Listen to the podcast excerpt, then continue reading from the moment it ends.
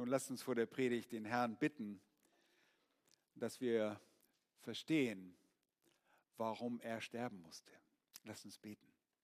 Herr, wir sind dankbar dafür, dass du, der ewige Gott, der Erste und Letzte, das Alpha und das Omega, dass du gekommen bist, Mensch wurdest. Danke, dass wir auf den Seiten der Schrift sehen dürfen, wie du wirklich bist. Herr, die Schrift ist nicht ein erdachtes Buch voller Legenden, Fiktion, fehlerhaft, fehlerhafte Berichte von irgendwelchen Augenzeugen, sondern dein zuverlässiges, irrtumsloses Wort, das du uns gegeben hast. Danke, dass wir dir darin vertrauen dürfen. Du allein bist vertrauenswürdig. Rede nun zu uns um deines Namens willen. Amen. Das Thema heute ist, der König stirbt. Kaum ist er geboren, schon stirbt er.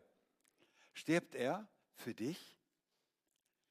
Nun, der Text heute, ich habe ihn mir aufgeteilt, eigentlich hatte ich einen längeren Abschnitt und dann habe ich gemerkt, oh, das wird schwierig. Aber heute wird es einfach wieder mal ganz kurz. Markus 15, Verse 33 bis 37. Markus 15, die Verse 33 bis 37. Als aber die sechste Stunde anbrach, kam eine Finsternis über das ganze Land bis zur neunten Stunde. Und um die neunte Stunde rief Jesus mit lauter Stimme und sprach, Eloi, Eloi, lama sabachthani. Heißt übersetzt, mein Gott, mein Gott, warum hast du mich verlassen?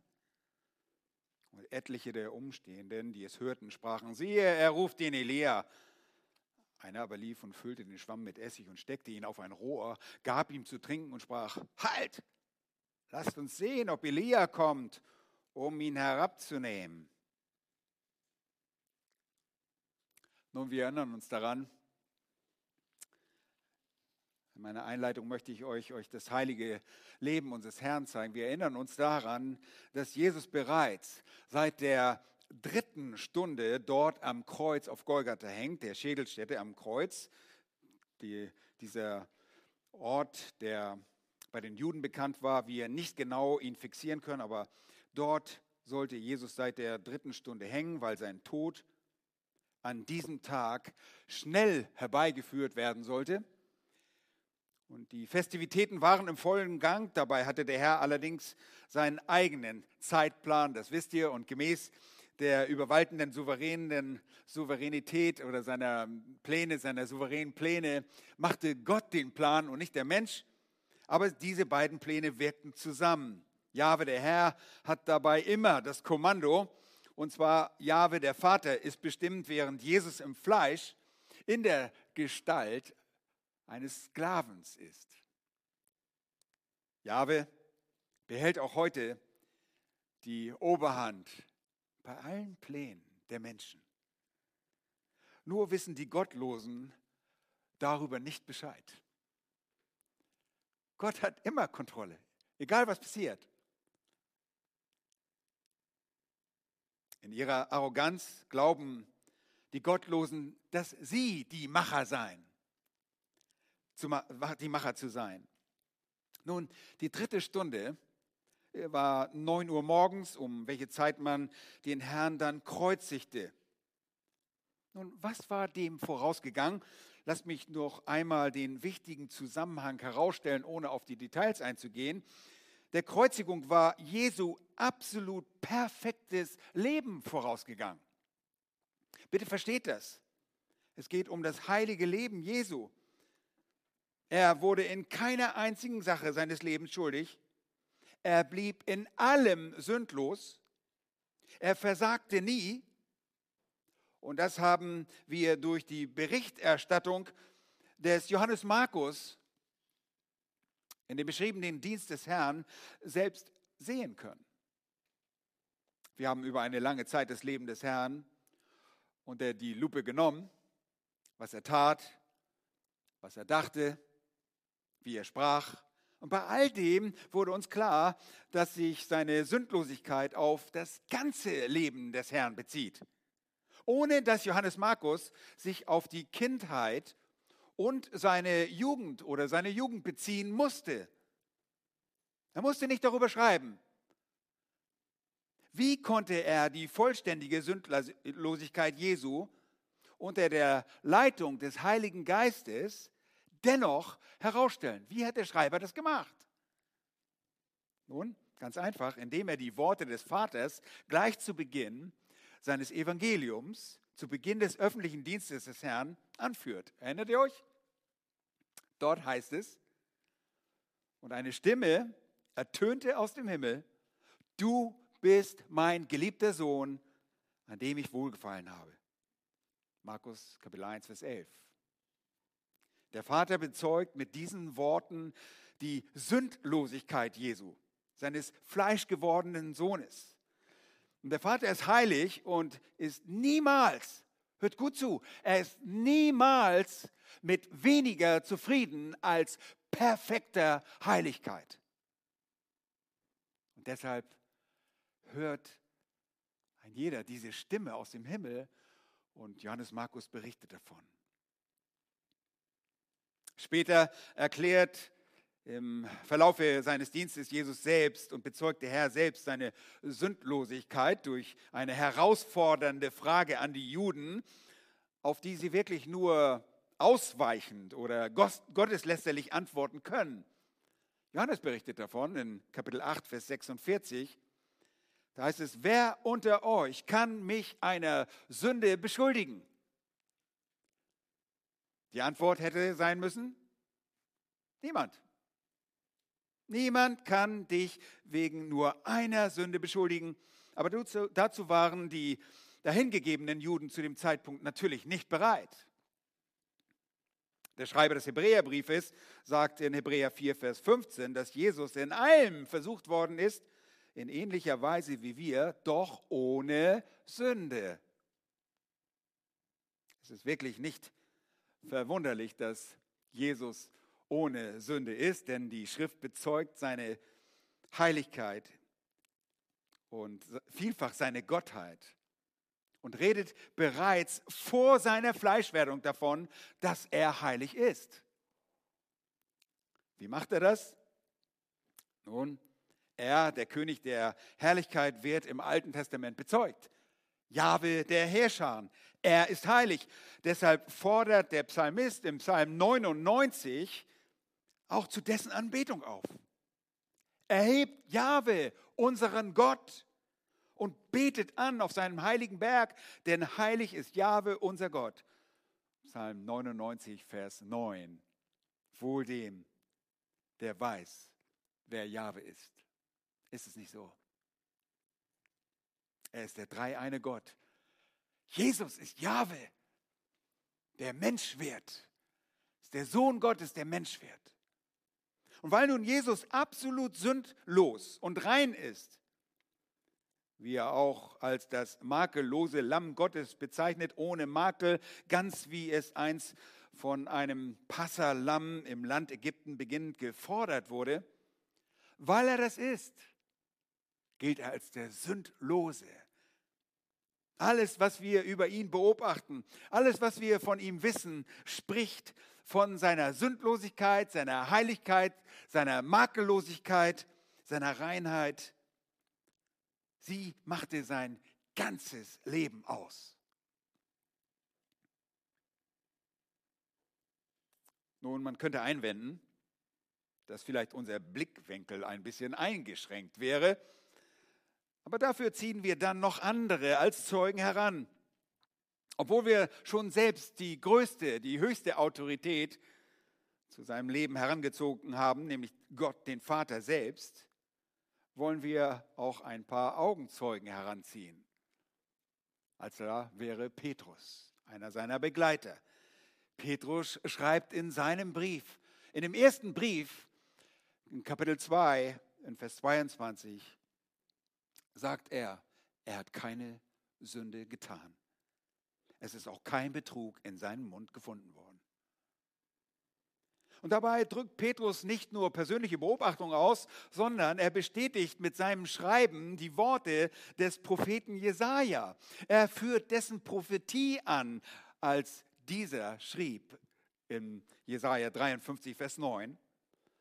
Da lesen wir nämlich genau diese Worte. Zunächst sagt er, und man bestimmte sein Grab bei Gottlosen, aber bei einem Reichen war er in seinem Tod, weil er kein Unrecht getan hatte und kein Betrug in seinem Mund gewesen war. Ihr Lieben, das wussten selbst die Propheten vom Knecht Jahwe, der als Diener in der Welt sein würde, um sein Leben zu geben als Lösegeld für viele. Und so ist das Leben des Herrn heilig und dient auch als ein perfektes Vorbild für uns. Und ihr erinnert euch, dass das Vorbildsein ein Zweck der Fleischwerdung Jesu erfüllte, nämlich ein Vorbild für ein heiliges, perfektes Leben zu geben. Ich meine, wie eifert man einem Geist nach? Wenn Gott Geist ist, wie soll ich das nachmachen, was ein Geist macht? Aber Jesus wurde Mensch und zeigt uns ein perfektes Leben und wie man ein perfektes Leben lebt. Das konnte nur Jesus.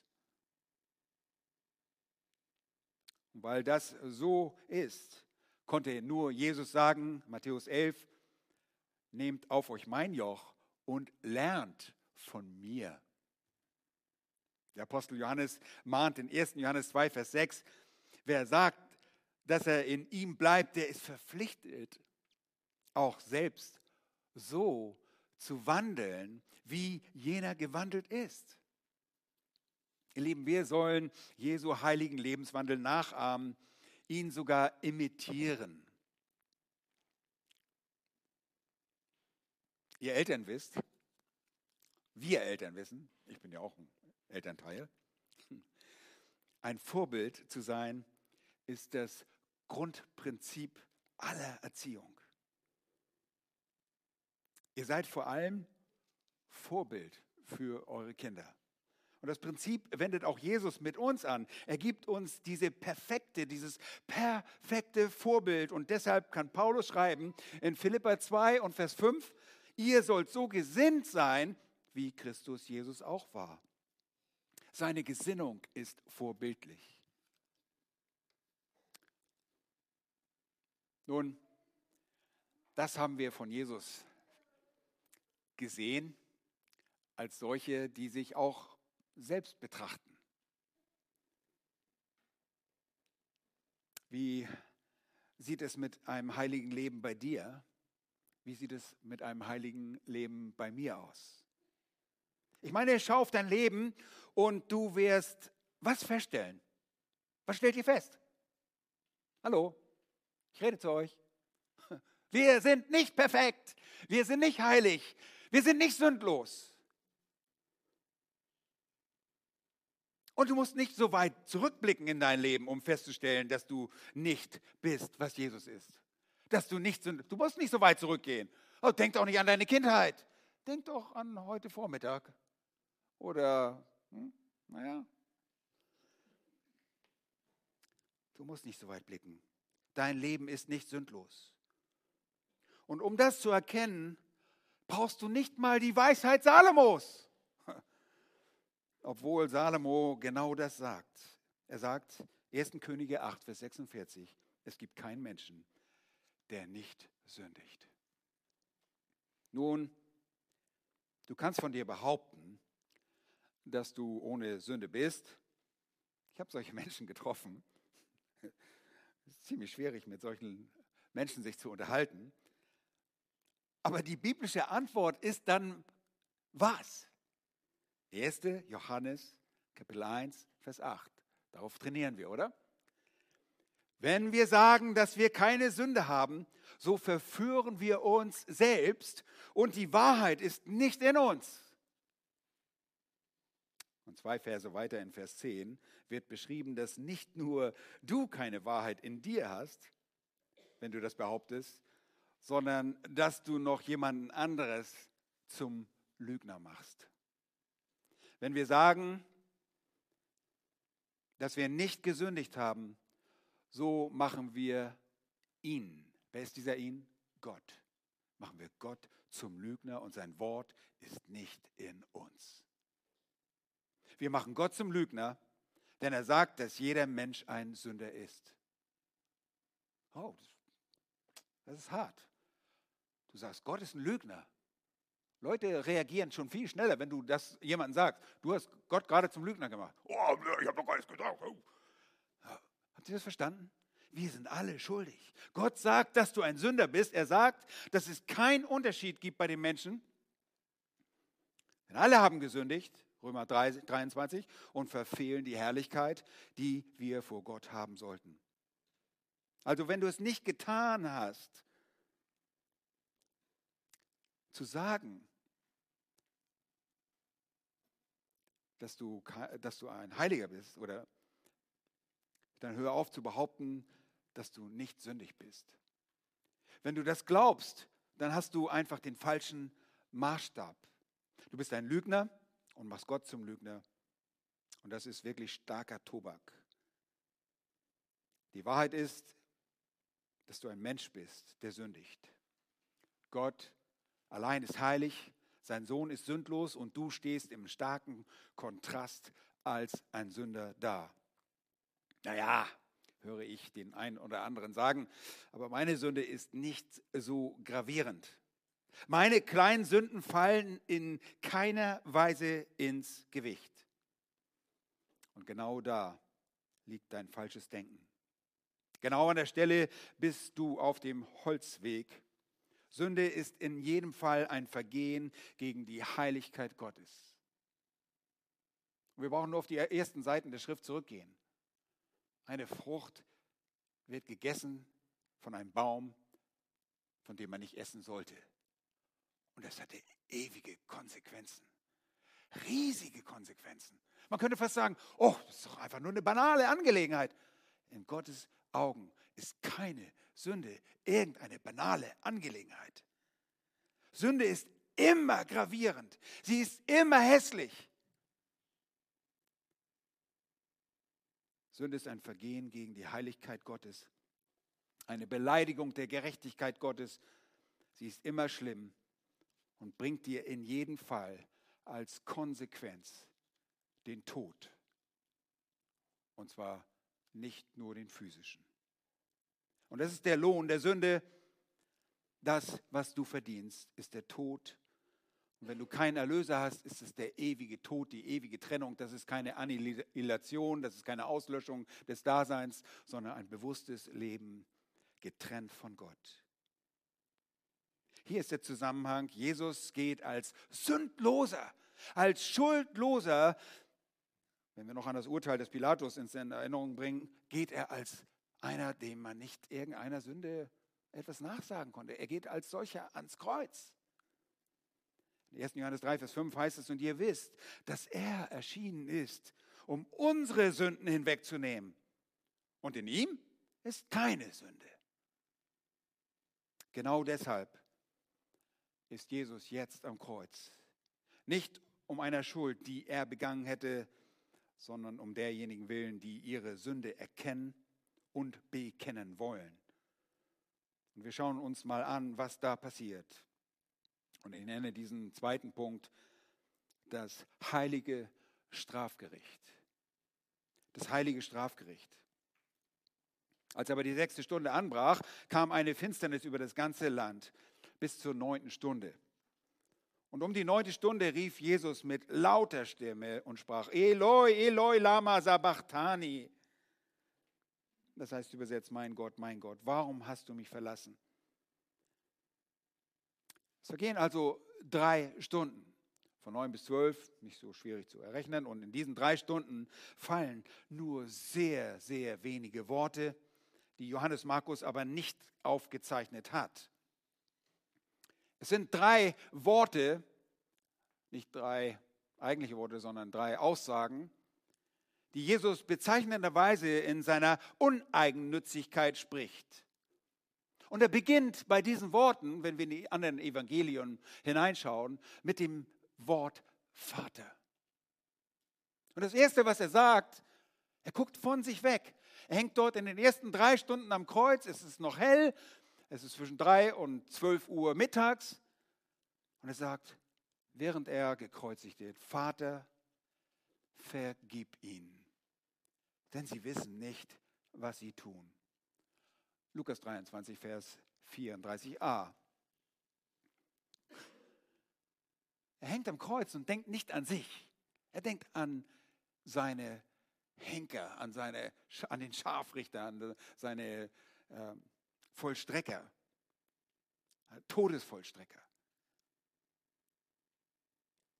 Zweitens sagt er, wahrlich, ich sage dir, heute wirst du mit mir im Paradies sein. Er spricht mit einem Verbrecher. Er guckt nicht auf sich. Er begnadigt einen Verbrecher, der gerade noch mit ihm und ihn verlästert hat. Unglaublich. Und das Dritte, was er sagt, ist Frau, siehe dein Sohn. Seine Mutter kam unter das Kreuz und er sagte zu Johannes, siehe deine Mutter. Diese drei Worte geschehen vor dieser Finsternis. Nicht viel gesprochen, nicht viele Worte, aber die werden gesprochen. Markus berichtet nicht davon. Markus berichtet nur von diesem vierten Wort. Aber dann tritt eine Finsternis ein, und zwar mit der sechsten Stunde. Und das ist erstaunlich. Es ist der Zeitpunkt, wo die Sonne am höchsten steht. Zu dem Zeitpunkt sollte es am wärmsten sein, sollte es am hellsten sein. Drei Stunden Finsternis an den sonst so hellen Tage. Nun, es wurde so viel darüber gerätselt, wie das zustande kommen konnte. Und es konnte sich auf keinen Fall um eine Sonnenfinsternis gehandelt haben, weil das Passafest immer auf den Vollmond fiel. Also auf einen Zeitpunkt, wo ein solches Ereignis gar nicht in Frage kommt. Die Verfinsterung der Sonne und die eintretende Dunkelheit werden in der Bibel aber oft als ein Zeichen des Gerichts und des Zornes gebraucht. Nun, es wurde wirklich viel gerätselt, was genau das sein konnte. Aber das Bild des Zornes macht absoluten Sinn. So zum Beispiel in Joel Kapitel 3 und Vers 4, wo es heißt, die Sonne soll verwandelt werden in Finsternis und der Mond in Blut, ehe der große, schreckliche Tag Jahwes kommt. Und Amos schrieb, und es soll geschehen an jenem Tag, spricht der Herr Jahwe, da will ich die Sonne am Mittag untergehen lassen und über die Erde Finsternis bringen am lichten Tag. Hört sich verdächtig an. Dann werde ich eure Feste in Trauer verwandeln und alle eure Lieder in Klagegesang. Und ich werde um alle Lenden Sacktuch und auf alle Häupter eine Glatze bringen. Man wird trauern wie um den Eingeborenen und das Ende wird sein wie ein bitterer Tag. Amos Kapitel 8, die Verse 9 und 10. Nun wahrscheinlich bezieht sich Amos bei dieser Stelle auf eine totale Sonnenfinsternis im Jahre 763 vor Christus. Und er nutzt es als Bild für das kommende Gericht Gottes. Das Gericht wird oft mit dieser Dunkelheit in Verbindung gebracht. Aber es ist nicht nur Gericht, was mit Dunkelheit in Verbindung gebracht wird, sondern Gott selbst, der im Dunkel lebte der vom Dunkel her zum Volk Israel sprach, vom Berg Sinai, der im Allerheiligsten im Dunkeln verweilte. Nun, zu Beginn der Geschichte wissen wir, dass Gott was? Licht schaffte, schuf. Was war davor? Die vergangene Ewigkeit. Unser Gott war im Dunkeln. Kein Problem für einen Gott, bei dem auch Dunkelheit Licht ist. Leben trotzdem wird mit dieser Dunkelheit Gott in Verbindung gebracht. Und ein Prediger betitelt diesen Absatz mit Gott besucht Golgatha, weil es finster wird. Die Bibel sagt nicht, warum die Finsternis eintrat. Sie zeigt nur die Tatsache der Finsternis auf. Persönlich bin ich davon überzeugt, dass sie auf das göttliche Gericht hinweist. Denn die Finsternis tritt zu der Zeit ein, als Jesu Leiden am heftigsten waren. In den drei Stunden hören wir von Jesus während der Phase der gesamten Dunkelheit nicht ein einziges Wort. Danach aber umso heftiger. Auch der Inhalt der Worte Jesu weist auf das Gericht des Vaters hin. Hier ist Gericht Gott, der Vater auf Golgatha, der seinen Sohn richtet. Und wenn Jesus mit lauter Stimme ruft, Eloi, Eloi, lama sabachthani, und fragt, mein Gott, mein Gott, warum hast du mich verlassen? Dann müssen wir hellhörig werden. und das hier in der aramäischen Sprache ausgerufenen, ausgerufenen Worte, die hier von Markus ins Griechische übersetzt werden und für uns von Bibelübersetzung ins Deutsche, lässt aufhorchen. Matthäus zeichnet dies für seine vornehmlichen, äh, vornehmlich jüdischen Zuhörer in der hebräischen Sprache auf. Was sind das für merkwürdige Worte des Herrn, die wir so nicht von ihm kennen? Das einzige Mal in seinem ganzen Dienst sehen wir den Herrn Jesus so nach seinem Vater rufen. Aber er sagt nicht Vater. Er sagt mein Gott. An keiner anderen Stelle bezeichnet Jesus sein Vater, mein Gott, spricht mit ihm als mein Gott. Nur an dieser Stelle. Mein Gott, mein Gott, eine Verdopplung. Und die Verdopplung lässt auf Jesu Seelenzustand hindeuten, der sich nach der Gegenwart des Vaters sehnt, der sich in einer Agonie befindet. Hatte dieser ihn verlassen? War Gott unzufrieden mit seinem Sohn? Ist er zornig geworden, weil irgendetwas nicht zu seiner Zufriedenheit verlief? Nein, im Gegenteil. Gott hatte gerade seine Gerechtigkeit in einem vollkommenen Maße erwiesen, indem er die Sünde strafte, die auch zuvor begangen wurden. Sünden, die in der Vergangenheit nie bestraft worden sind, die nur bedeckt worden sind. Denn das Blut von Tieren sind nicht dazu in der Lage zu vergeben.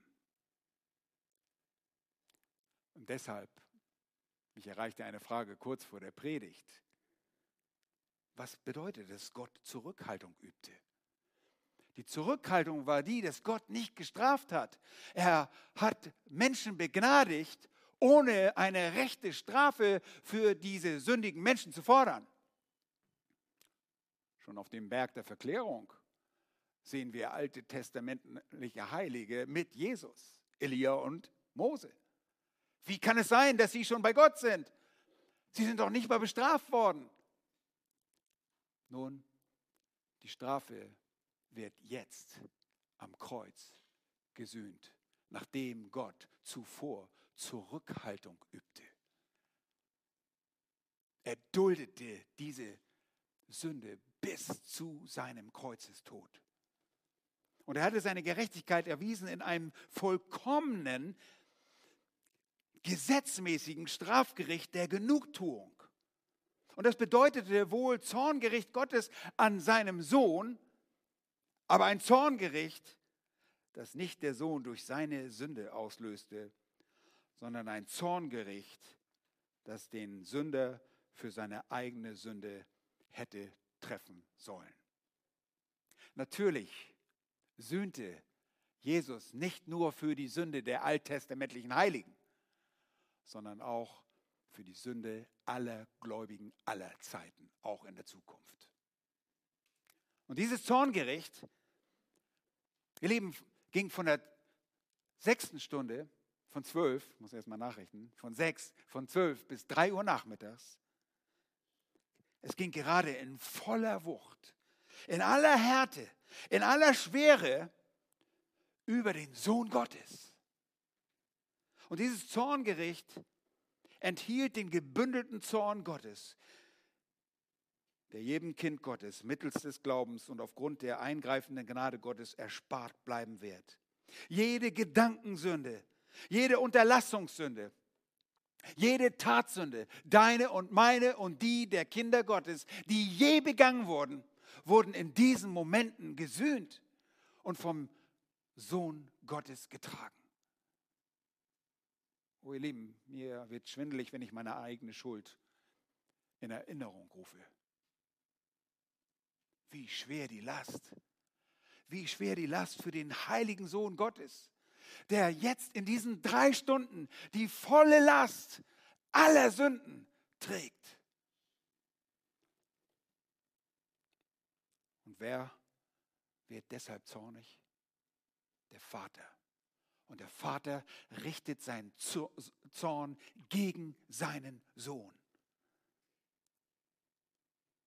Dieser Zorn wurde auf Jesus gerichtet, weil er sich dazu im Gehorsam bis zum Tod am Kreuz einließ. Dies war sein Auftrag des Vaters und den erfüllte er. Angestaut in dieser Form konnte dieser heftige Zorn nur auf eine einzige Person ausgerichtet werden. Eine unschuldige und würdige und sündlose Person, die sich als Sühnopfer für diesen Zweck qualifizierte, die sich geeignet hat und nach der Eignungsprüfung seines Lebens den Eignungstest bestanden hat. Er blieb heilig, er blieb ohne Sünde. Das ist Jesus. Und wenn Gott nicht zu unzufrieden, wenn Gott unzufrieden war, was war es dann, was Jesus zu diesen Worten Anlass gab? Warum? Nun, die erlebten Höllenqualen waren für Jesus so heftig, so niederschmetternd, dass er dem Zorn den Vater nicht als liebend sehen konnte, sondern lediglich als den gerechten und zornigen Richter und Vollstrecker sah. Jesus drückt damit aus, was das Gefühl sein muss, wenn es kein Trost in der Hölle gibt. Und in der Hölle gibt es keinen Trost. Und das empfindet er am Kreuz. Mein Gott, mein Gott, warum hast du mich verlassen? Absolute Verlassenheit von Gott ist nur in der Hölle. Und es gibt nur zwei Arten, wir haben am Freitag darüber gesprochen, zwei Arten, wie dieser Zorn ausgetragen werden kann. Und das betrifft dein Leben. Entweder ist Jesus für dich gestorben, du glaubst daran, dann ist dieser Zorn bereits befriedet worden am Kreuz, als Jesus ihn trug. Oder du wirst den Zorn Gottes in einer ewigen Hölle erleiden müssen. Ohne Ende, ohne Trost und dein Ruf wird verhallen. Dein Ruf nach Gott wird verhallen. In der Offenbarung wird es so deutlich durch den Rauch der Qualen ausgedrückt, der Rauch, der von Ewigkeit zu Ewigkeit aufsteigen wird. Welch Gnade, welch wunderbare Liebe des Sohnes, sich bereit zu erklären, auf die Erde zu kommen, um eine Menschheit zu erlösen durch seinen stellvertretenden Tod. Oh, es ist ein großes Geheimnis, was sich dort wirklich abspielte. Und wir können das überhaupt nicht in unserer Begrenztheit als Menschen voll nachvollziehen. Es war ein schreckliches Gericht über den heiligen Sohn Gottes in dem Gott seinen Sohn so behandelte, als hätte er dein und mein Leben geführt und das Leben aller anderer Verbrecher dazu. Denn das ist, wozu die Sünde uns macht. Ihr Lieben, wir sind regelrechte Verbrecher, die in die Heiligkeit Gottes eingebrochen sind mit allen nur erdenklichen Sünden und Missetaten, die wir nur aufgrund von Gottes rettender Liebe erkennen und bekennen und wir davon Buße tun. nur wenn Gott eingreift. Sonst werden wir uns immer rausreden. Wir werden uns immer mit anderen Menschen vergleichen und immer denken, wir stehen gut da. Aber das sind wir nicht. Wir sind elende Sünder. Und wir haben den Zorn Gottes verdient. David schreibt im Psalm 65 und Vers 4, Missetaten überwältigen mich. Seine Missetaten gingen ihm weit über den Kopf. So viele waren das. Unsere Übertretung, sagt er.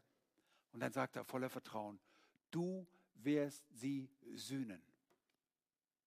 Ist nicht interessant? Er weiß, sein Gott wird sie sühnen. Welch richtiges Vertrauen in unseren Gott. Jesaja 53, Vers 5 sagt, die Strafe lag auf ihm. Jesaja 53, Vers 8, wegen der Übertretung meines Volkes hat ihn Strafe getroffen. Nicht uns, nicht das Volk, nicht dem gläubigen Volk. Das Strafgericht, das auf Golgatha stattfand, war heilig. Es war außergewöhnlich und einzigartig. Es hebt sich ab von allen anderen Strafgerichten der Geschichte der Menschheit.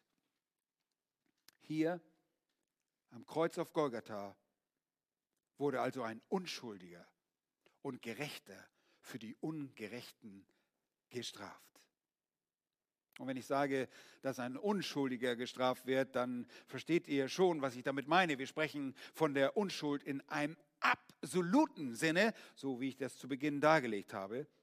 Es ist nicht die Unschuld in einer ganz bestimmten Angelegenheit. Viele Menschen wurden schon im Laufe der Menschheitsgeschichte unschuldig verurteilt und gerichtet, aber sie waren nie ohne Sünde im Leben.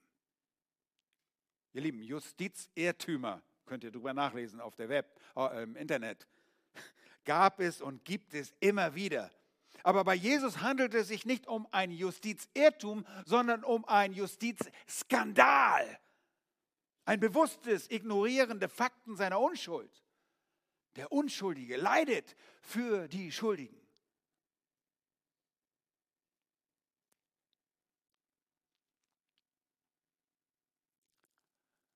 Als Mensch sollten wir den Zorn Gottes fürchten, aber nur dann, wenn du kein Kind Gottes bist.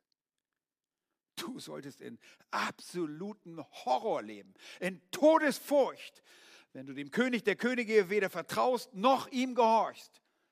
Es muss ein Horror sein, ohne Gott zu leben, in der ständigen Gefahr des Terrors, des Zornes Gottes. Es ist einfach nur gefährlich. Es ist schrecklich, in die Hände des lebendigen Gottes zu fallen. Und ich habe am Freitag schon genug dazu gesagt. Aber das ist die Wahrheit. Deshalb musste Jesus sterben. Die gute Nachricht ist, die wunderbare Nachricht ist, das Evangelium ist, dass du nicht in der Todesfurcht verharren musst. Denn Gott vergibt, wenn du zu deiner Sünde stehst, sie erkennst, sie ihm bekennst und sie lässt. Und das tun Gläubige. Das tun gläubige Menschen immer wieder, weil wir uns auch immer wieder reinigen müssen. Aber einmalig musst du grundsätzlich in Demut zu deinem Gott kommen und ihm dein ganzes Leben unterwerfen ihn zum Herrn und Beherrscher deines Lebens werden lassen. Das will er. Gott hat den Menschen für sich geschaffen, damit er ihm dient. Und wenn du es nicht getan hast, schieb es niemals auf die lange Bank. Gläubige Menschen, die gerettet sind, glauben an den Sohn Gottes, sie glauben und vertrauen seinen Worten und lieben seine Werke und bauen auf sein Erlösungswerk und folgen ihm willig nach. So heißt es in Johannes 3, Vers 36, wo Jesus sagt, wer an den Sohn glaubt, der hat das ewige Leben. Wer aber den Sohn nicht glaubt, der wird das Leben nicht sehen, sondern der Zorn Gottes bleibt auf ihm. Und der Zorn Gottes wird geoffenbart, sagt Paulus in Römer 1, gegen alle Gottlosigkeit und alle Ungerechtigkeit der Menschen. eines Tages in vollen Zorn, in der vollen Ausmaß, in einer glühenden Feuerhitze der Hölle. Vor dem Zorn fürchteten sich heilige Menschen in ihrer Sünde. David sagt im Psalm 6, Vers 2, Jahwe, strafe mich nicht in deinem Zorn, züchtige mich nicht in deinem Grimm. Das sagt er auch im Psalm 38, 2, Jahwe, strafe mich nicht in deinem Zorn, züchtige mich nicht in deinem Grimm. Die Israeliten, die unter dem Zorn Gottes gerieten, weil sie ein halsstarriges Volk sind und noch immer im Ungehorsam leben, spüren sogar die Bundesrache Gottes. Dieser Zorn Gottes hat die Juden gewissermaßen zu einem Schimpf in dieser Welt gemacht, sie in alle Länder zerstreut. Denn Jesaja 53 sagt in Vers 4, sie aber hielten ihn, und spricht von diesen Juden, sie hielten ihn, den Knecht Gottes, das ist Jesus, für bestraft, von Gott geschlagen und niedergebeugt. Sie glaubten, Jesus musste hängen. Dieser Gotteslästerer musste hängen. Sie glaubten, dass Jesu vermeintliche Gotteslästerung Gott Anlass gab, ihn zu schlagen. Doch, heißt es dort weiter in Jesaja, doch er wurde um unserer Übertretung willen durchbohrt, wegen unserer Missetaten zerschlagen. Die Strafe lag auf ihm, damit wir Frieden hätten. Und durch seine Wunden sind wir geheilt worden. Wir gingen alle in die, Schaf, in die Ehre wie Schafe. Jeder wandte sich auf seinen Weg, aber Jahwe warf unser aller Schuld auf ihn. Und ihr stellt fest, diese Ausdrucksweise ist zurückschauend. Wie kann, wie kann der Schreiber der Jesaja zurückschauen, berichten? Nun, das werden die Worte der Erlösten des Volkes sein, wenn sie zurückblicken in die Geschichte, nachdem Gott ihnen die Gunst des ewigen Lebens am Ende der Tage gewährt hat.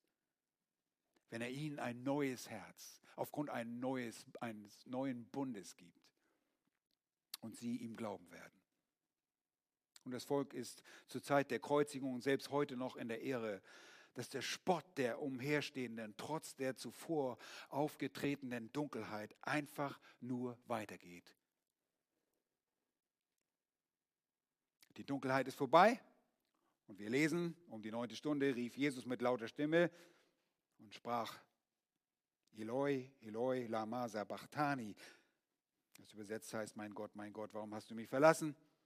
Und dann heißt es weiter, und etliche der Umherstehenden, die es hörten, sprachen, siehe, er ruft den Elia.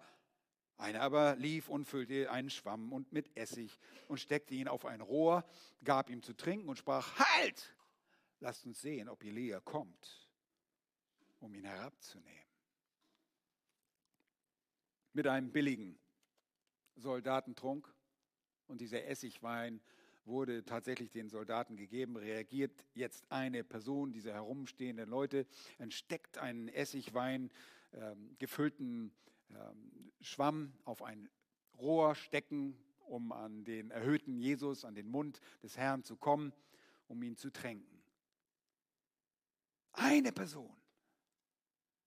Und diese eine Person reagiert wahrscheinlich nicht einmal aus Mitgefühl, sondern vielmehr um weiter spotten zu können, damit er selbst wiederum spöttisch ausgerückt den Elia kommen sehen kann, der Jesus dann vom Kreuz abnehmen sollte. Nun, einen am Kreuz genagelten Verbrecher etwas zu trinken gehen würde sein Leben verlängern und die Chance erhöhen, dass er diesen Elia sehen könnte. Elia, so glaubten die Juden aufgrund von Malachi 3,23, würde vor dem Erscheinen des Tag Jahwes auftauchen. Und durch diesen Ruf von Hebräisch Eli oder Aramäisch Eloi, mein Gott, wurden sie an Elia erinnert, was bedeutet, mein Gott ist Jahwe. Und es war wahrscheinlich noch eine zusätzliche Verspottung, dass man den Vorläufer des Messias hier anführte, obwohl der wahre König am Kreuz hängt. Kommt zum dritten Punkt. Das heilige Ableben des Lebens. das heilige Ablegen des Lebens, beziehungsweise ist es seines Lebens. Vers 37. Jesus aber stieß einen lauten Schrei aus und verschied. Nochmals, Markus fokussiert sich nur auf diesen mittleren Ausdruck, dieses vierte Wort Jesu, indem er mein Gott, mein Gott, warum hast du mich verlassen schreit. Aber Matthäus sagt, Jesus aber schrie nochmals mit lauter Stimme und gab den Geist auf. Lukas sagt, und Jesus rief mit lauter Stimme und sprach, Vater, in deine Hände befehle ich meinen Geist. Und als er das gesagt hatte, verschied er. Und wenn wir das Wort von Johannes dazu tun, haben wir das, was er alles, was er zusammen sagte. In Kapitel 19, Vers 30, 30 sagte er, als nun Jesus den Essig genommen hatte, sprach er, es ist vollbracht. Und er neigte das Haupt und übergab den Geist. Die Tatsache, dass Jesus noch laut rufen konnte in dem Bericht von Johannes Markus, ist völlig überraschend. Völlig überraschend. Nachdem Jesus noch drei Worte spricht, nämlich mich dürstet, es ist vollbracht, stößt er diese letzten Worte laut aus. Vater! Und er hört mit Vater auf. Mittendrin ist Gott. Er fängt mit Vater an. Zwischendrin in der Pein sagt er, mein Vater, mein Vater, warum hast du mich verlassen? Und er hört mit Vater in deine Hände befehle ich dein, meinen Geist. Nun, ein gebeutelter, ein gefolterter Mensch nach einer derartigen Prozedur, einer solchen Vorgehensweise der Qual, hätte keine Luft für solch lautes Reden und schon gar nicht, wenn man es mit einem Schreien tatsächlich übersetzen kann und vergleichen kann. Dafür benötigt man viel, viel Luft. Aber Jesus konnte das. Jesus ist wahrer Mensch und wahrer Gott gleichzeitig. Und als er der blieb, blieb er es auch am Kreuz. Er war immer wahrer Mensch und wahrer Gott. Er hörte nie auf, Gott zu sein. Er sagt, oh, da stirbt jetzt äh, nur der Mensch. Gott geht jetzt irgendwie weg und äh, der lässt seine Hülle da als Mensch einfach hin. Nein, nein. Der wahre Gott, Mensch, stirbt am Kreuz. Das Geheimnis können wir nicht lösen. Gott stirbt nicht. Er stirbt im Fleisch, gerechtfertigt aber im Geist. Aber Jesus ist wahrer Gott zugleich. Und er wurde nicht durch die physischen Maßnahmen der Kreuzigung getötet. Er wurde nicht durch die Folter getötet, sondern er gab sein Leben nach der Vollendung seines Werkes selbst auf. Es geschah genau zu dem Zeitpunkt, als die zweite Abteilung der Juden nämlich die aus dem Südland, damit begann, ihre Passeropfer darzubringen. Jesus stirbt als Opferlamm, das Sünde Opferlamm Gottes. Jesus lehrt selbst in Johannes 10 und Vers 17, darum, sagt er, liebt mich der Vater, weil ich mein Leben lasse, damit ich es wieder nehme. Niemand nimmt es von mir. Ist das nicht interessant? Jesus sagt, niemand nimmt es von mir, sondern ich lasse es von mir aus. Ich habe Vollmacht, es zu lassen und habe Vollmacht, es wieder aufzunehmen. Diesen Auftrag habe ich von meinem Vater empfangen. Johannes 10, 17 und 18. In Hebräer 2, 9 heißt es, er sollte ja durch Gottes Gnade für alle den Tod schmecken. Und das tat er freiwillig. Er gab sein Leben auf. Johannes 17, Vers 4 sagt er, ich habe dich verherrlicht auf Erden. Und er spricht zu seinem Vater, ich habe das Werk vollendet, das du mir gegeben hast, damit ich es tun soll. Und das sagte er nur wenige Stunden vor seinem Tod, in der Gewissheit, dass er diesen Auftrag ausfüllen würde. Preis den Herrn. Der Tod konnte ihn nicht halten. Stattdessen bewirkte er, dass die Macht des Todes genommen wurde. Er besiegte den Tod und er stand aus den Toten. Bringt mich zu einer vierten Frage. Und wir haben auch einen zweiten Teil zu dieser Predigt. Deshalb habe ich auch den Text gesplittet, geteilt. Aber ich komme zu einer vierten, zu einem vierten Punkt und zu einer Frage. Heiliges Leben ist es ein Resultat deines Glaubens. Und die Frage, die wir uns jetzt stellen müssen, und jeder, der dies liest, muss sich fragen, hat sich mein Leben aufgrund dieses Ereignisses verändert? Glaube ich daran oder ignoriere ich das, was da geschehen ist? Glaube ich daran, dass Jesus Christus, der Gerechte für die Ungerechten, starb? Ist dein Leben durch Heiligkeit gekennzeichnet, wie er heilig ist? Nun, Kraft des Heiligen Geistes ändert Gott das Leben von Sündern. Kraft des Heiligen Geistes werden wir zu neuen Kreaturen und leben ein heiliges Leben. Permanent, konsequent? Leider nicht. Aber das kennzeichnet dein Leben, wenn du gläubig bist.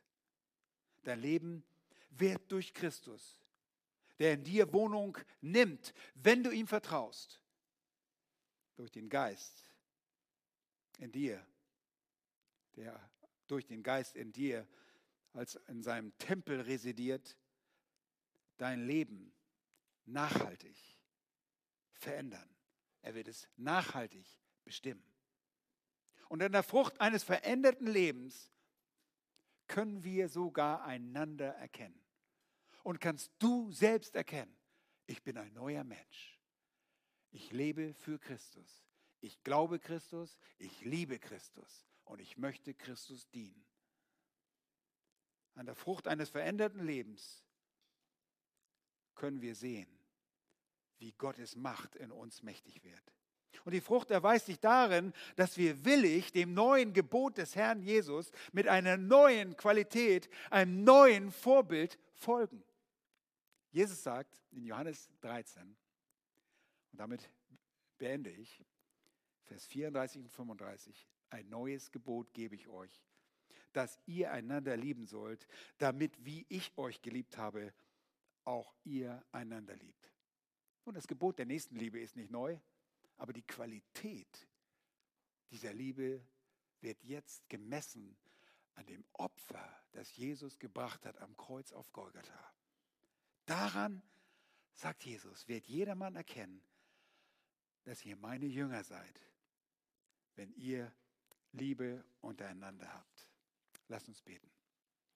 Herr, wir sind dir von Herzen dankbar, dass du der König der Könige, der Erhabene, der Herr der Herren, der Erste und der Letzte, das Lamm Gottes auch der Löwe von Juda ist, der erhabene Richter, der zornige Gott, der sanftmütige, der demütige, der liebende.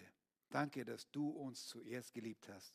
Danke, dass wir heute Nachmittag den Akt deiner Liebe sehen durften, vor Augen führen durften, dass du, der Heilige und Sündlose, für uns, die elenden Sünder, gestorben bist.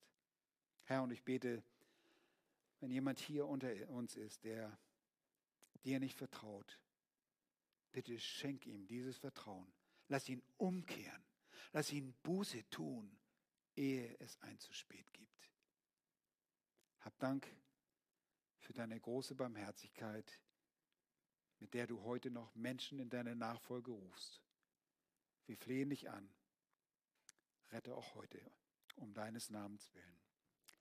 Amen.